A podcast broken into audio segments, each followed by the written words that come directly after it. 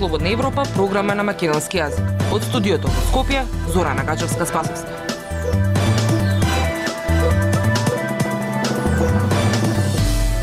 Почитувани, во неделното интервју на Радио Слободна Европа гости на министерот за образование и наука Јетон Шакири. Првиот месец од учебната година изминува, а учениците од прво, второ, четврто и пето оделение се уште немаат нови учебници. Министерот најави дека тие ќе бидат испечатени до почетокот на ноември. Во меѓувреме, за останатите ученици од средно и основно образование нема ниту доволно учебници, но и тие што ги имаат се искинати и оштитени. Од друга страна, енергетската криза носи ризици учениците оваа зима да учат онлайн. Иако, како што веле министерот, се разгледуваат сите опции да се изнеде начин наставата да продолжи со физичко присуство. Слушајте на.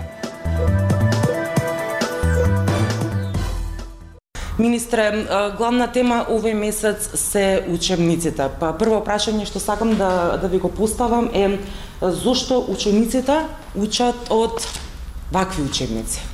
Повелете да ги погледнете. Ова се учебници од основно образование во осмо оделение. Основна тема е во последниот период, но основна тема за мене како министер, од почетокот кога го зедов функцијата на министер за образование и наука, главна тема од дел од мојата агенда беа учебниците.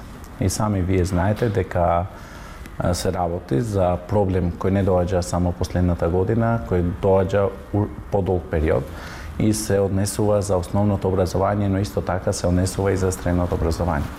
Како што доаѓа како проблем од подолг период, И вие знаете дека во последната година имаме измени а, на концептот за основното образование, каде почнуваме со нови а, учебни програми. Дали има некој одговорен за старите оштетени учебници да ги проверува какви учебници достигаат до, до децата? Како министер доставив информација до сите и до јавноста, доставив имејл, ги повикувам сите почнувајќи од наставници, работници, да доставуваат некои одредени забелешки во текот на работата со учебниците до мојот кабинет, за да можам истовремено со педагошка служба да ги разгледаме тие забелешки кои доаѓаат и од содржината на учебникот, па и некои други одредени проблеми. Да, јас сум за тоа дека и за старите учебници кои се во основното образование со промена, со воведување на новото и промена на новата концепција, ќе дадеме придонес за да се променат, затоа инсистирам во временскиот период да бидат квалитетни учебниците. Присуствувавте на првиот училишен ден во, во Албанија, каде што се промовираше новиот буквар за кој што во иднина предпоставам ќе се користи и во Косово, Албанија и Македонија првачињата во оваа земја годинава не видоа буквар. Кога ќе добијат учебници децата од прво, второ, четврто и пето оделение кои што се дел од новиот концепт за образование? За искреност, кога кажуваме не добија буквар, добија подготвителни материјали што се однесува за предметот на букварот. Јас за тоа и затоа го споменувам неколку пати сите постапки сега одредени зашто има два фази на одобрување на постапките. Сите постапки, едната постапка се поврзуваше почнувајќи со комисијата, доставување на наставните програми, повикот за автори и кога образложив на тоа дека сум сакал во овој временски период да немаме временски притисок до авторите за да имаме изработка на квалитетни учебници. И за математика и за другите предмети кои доаѓаат освен букварот и така натака. Другата постапка е поврзана со процесот на а, ребаланс на буџет, па после тоа се организираше и истовремено пред тоа се организираше постапка каде што имаат законски рокови што треба да завршуваат таа постапка. Тоа значи дека а, крајот на тромесечите крајот почетокот на 11 месец, крајот на октомври. Кога зборуваме за материјалите за работа кои што сега беа испечатени и пристигнаа до, до учениците, тоа е дупла работа и повеќе пари од а, буџетот наменет за материјали кои што подоцна како што рековте се надевате дека ќе се употребуваат, иако се уште тоа не е јасно. Па може ли да не кажете колку пари ја чинеше државата печатењето на овие материјали за работа за отприлика 80.000 ученици? Сега не го имам точно тој истиот податок, но заедно знаете дека тие се однесува за новата концепција. За мене многу беше важно образовниот процес. И во тој важен образовен процес ми беа многу важни децата да имаат во почеток на новата учебна материјали кои ќе бидат за нив. Па после тоа, после доставување, дали ќе ќе видиме со педагошка служба и со бирото како можеме да ги организираме за да се употребуваат и за други цели тие истите материјали. Тендерската постапка за печатењето на новите учебници е завршена со оглед на тоа што веќе заврши и жалбениот период во кој што две фирми го обжалија тендерот за печатање сметајќи дека е дискриминаторски кон нив, односно дека критериумите се направени за да се фаворизира една конкретна фирма која што најчесто ги добивала тендерите за печатање. Може ли да ни откриете кој го доби тендерот затоа што се уште не е објавено не, на бюро за јавни набавки? Мислам дека се уште до понеделник е, е рокот за жалби па затоа кога ќе завршат имат и втора после управната постапка која е завршена во Бирото за јавни набавки, во понеделник Министерството ќе ги објави сите потребни документи. Не откривате а, која е фирмата, може ли да откриете за колку пари станува збор со оглед на тоа што постапката е завршена, тие се веќе предвидени за таа набавка? Не, на висина не можам да откриам заради тоа што па после тоа и барањето на принтирање на учебници ќе се достави според барање, значи дека таа вредност не знам дали ќе се користи целосно за исприн. Радио Слободна Европа, светот на Македонија.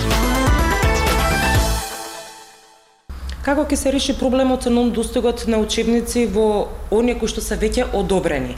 А, покрај овие за четири оделенија кои што допрва ќе се печатат, во основното образование недостасува на пример учебник за географија за осмо оделение, недостасува учебник по општество за трето оделение. Веќе три години тие ученици немаат учебник. Како ќе се реши овој проблем кој што со години се повторува? И пак е присутен истиот проблем. Од педагошка служба е побарано, после повикот за авторите се формираат и комисии за одредени учебници каде што имаме проблем. Јас како министер имам побарано и тие комисии да се формират. Конкретно за неколку учебници што знам дека имаме решавање на проблемот, зашто имат и други предмети освен тие што вие ги спомнавте, не знам конкретно за конкретните предмети, па затоа кога спомнав, јас во овој период сум работел на тоа да ги земаме и законите од другите земји, каде што што придонесуваат во делот на тоа да немаме ваков проблем. Тоа значи дека и годинава овој проблем ќе остане натака, некој... додека не заврши законска формирањето на новиот закон. Да, некој од сега од комисиите можете тоа подобро да го побарате податокот во педагошка служба кои се остранети од проблемите. Па некој очекувам дека законот во месец во рок од два месеци да заврши во овој проблем во овој период се земени и претходниот основен закон и неколку законски измени, како што одеше процесот, сум побарал сите да бидат вклучени во овој и очекувам по многу, многу добра, продуктивна дебата од сите засегнати страни да имаме добар, нов закон кој се надевам дека наредните генерации нема да ги имат истите проблеми. Како ќе го решите вториот поголемина проблем во образованието, а тоа е недостиг на наставници по математика, физика? Еден таков проблем е присутен. Исто така јас во делот на соработка со многу важни институции во месец септември се одржани неколку состаноци и со УНИЦЕФ, UNDP и така во делот на оптимизација на мрежата на основните училишта. Одреден проблем што е присутен на терен се однесува дека имаме училишта каде што бројот на ученици е многу мал и тоа е факт и вие може да го проверите. И е, од тоа што е дозволено, но исто така и наставниот кадар се поврзува и со тие ученици кои се во процесот. Ова дискусија е отворена и заедно со Синдикатот за образование СОНК, со кого имаме добра соработка. Имавме и преговори, имавме дискусија за повисоки плати, но исто, исто така е побарено за и решение за овој наставен кадар. Од страната на Министерството, во претходниот период, и вие сами знаете дека имаме во Законот за студентски стандард, каде за одредени струки, што мислам дека треба да се прошируваат, студентите добиваат стипендии, месечни стипендии во вредност од 18.000 денари. А ако се запишуваат на струките за хемија, математика, физика, па ќе видиме во наредниот период ако можеме да го прошириме што повеќе од средношколците за да можеме да ги мотивираме на овие струки. Ако добро ве разбрав, се уште се е на ниво на дискусија, не. на повидок нема можни решенија. Не, вака, можно решение на повидок е донесено на тоа дека треба да се мотивираат средношколците да се запишуваат на трие струки. На пример, на недостиг. А време додека тие средношколци да станат студенти да завршат? Не, во тој период, па сега во моментот кога зборуваме, затоа кажав дека секторот за основно и средно, после донесување на стипендии, можеме во овој период завршуваат неколку студенти што ги студирале овие дефицитарни струки. Затоа се поврзуваат податоците. Ова работа е почната пред 3-4 години, мислам, со стипендиите. Доаѓа првата генерација, па после тоа ќе видиме, ја затоа кажав, колку секторите сега со бројки не можеме, кои од струките, дали хемија имаат уште 10 недостаток или 20 или 30 или 40, ќе треба сите заедно да дадеме придонес. Видеоприказните Моја порака можете да ги следите на Инстаграм профилот Генерација З и на нашата веб страница slobodnaevropa.mk. Постои ли ризик од декември училиштата, односно учениците да посетуваат онлайн настава поради енергетската криза? Јас како министер до сега се доставени неколку дописи до сите основни страни, исто така и до општините, се доставени дописи во насока на тоа за организирање на постапките да се вклучени во пазарот, да немат одредена во постапките да немат повисоки цени од тоа што е реална цена на пазарот множено со 50% ако се не се во тендерска постапка. Освен тоа, во овој во оваа комуникација сме имале комуникација со секторот за буџет при Министерството за образование и наука. Е побарано анализа на сите основни училишта во сите општини да се разгледуваат колку се искористени блок дотациите од училиштата. Исто така колку се искористени во целата општина тие блок дотации ако имаме во делот на искор... неискористени блок дотации, одредени општини имаат неискористени од 2021 година. Ако имаме ние тие блок дотации, ќе можеме најмногу да ги организираме за да нема застој на образовниот процес и во месец декември, за да можеме да ги затвориме тие сметки. Од вашиот одговор можам ли да заклучам дека ризик постои од декември да учат онлайн и дека Министерството преку блок дотации ќе се обиде да им помогне на општините да го проложат а, наставниот процес без затварање без на... Без затварање на училиштата. Јас три компоненти. Блок дотациите, кој, во кој дел се искористени и кој не се искористени, да се користат за можноста на училиштата да не се затворат.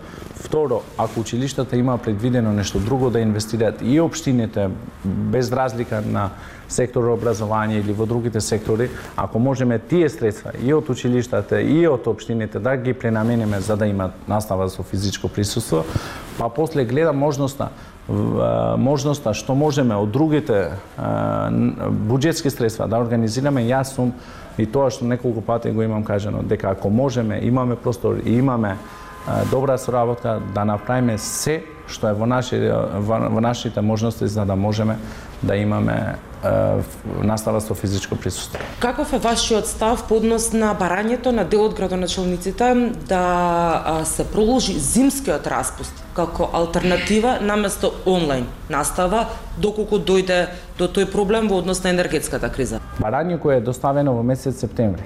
Веднаш да предвиди за тоа што очекуваме во декември, мислам дека во овој период очекува да биде да беше доставено малку покасно. Мојот став е ако сакаме физичко присуство на настава, можеме да организираме сите тие буџетски средства, да ги рационализираме, за да можеме да имаме физичко присуство на настава.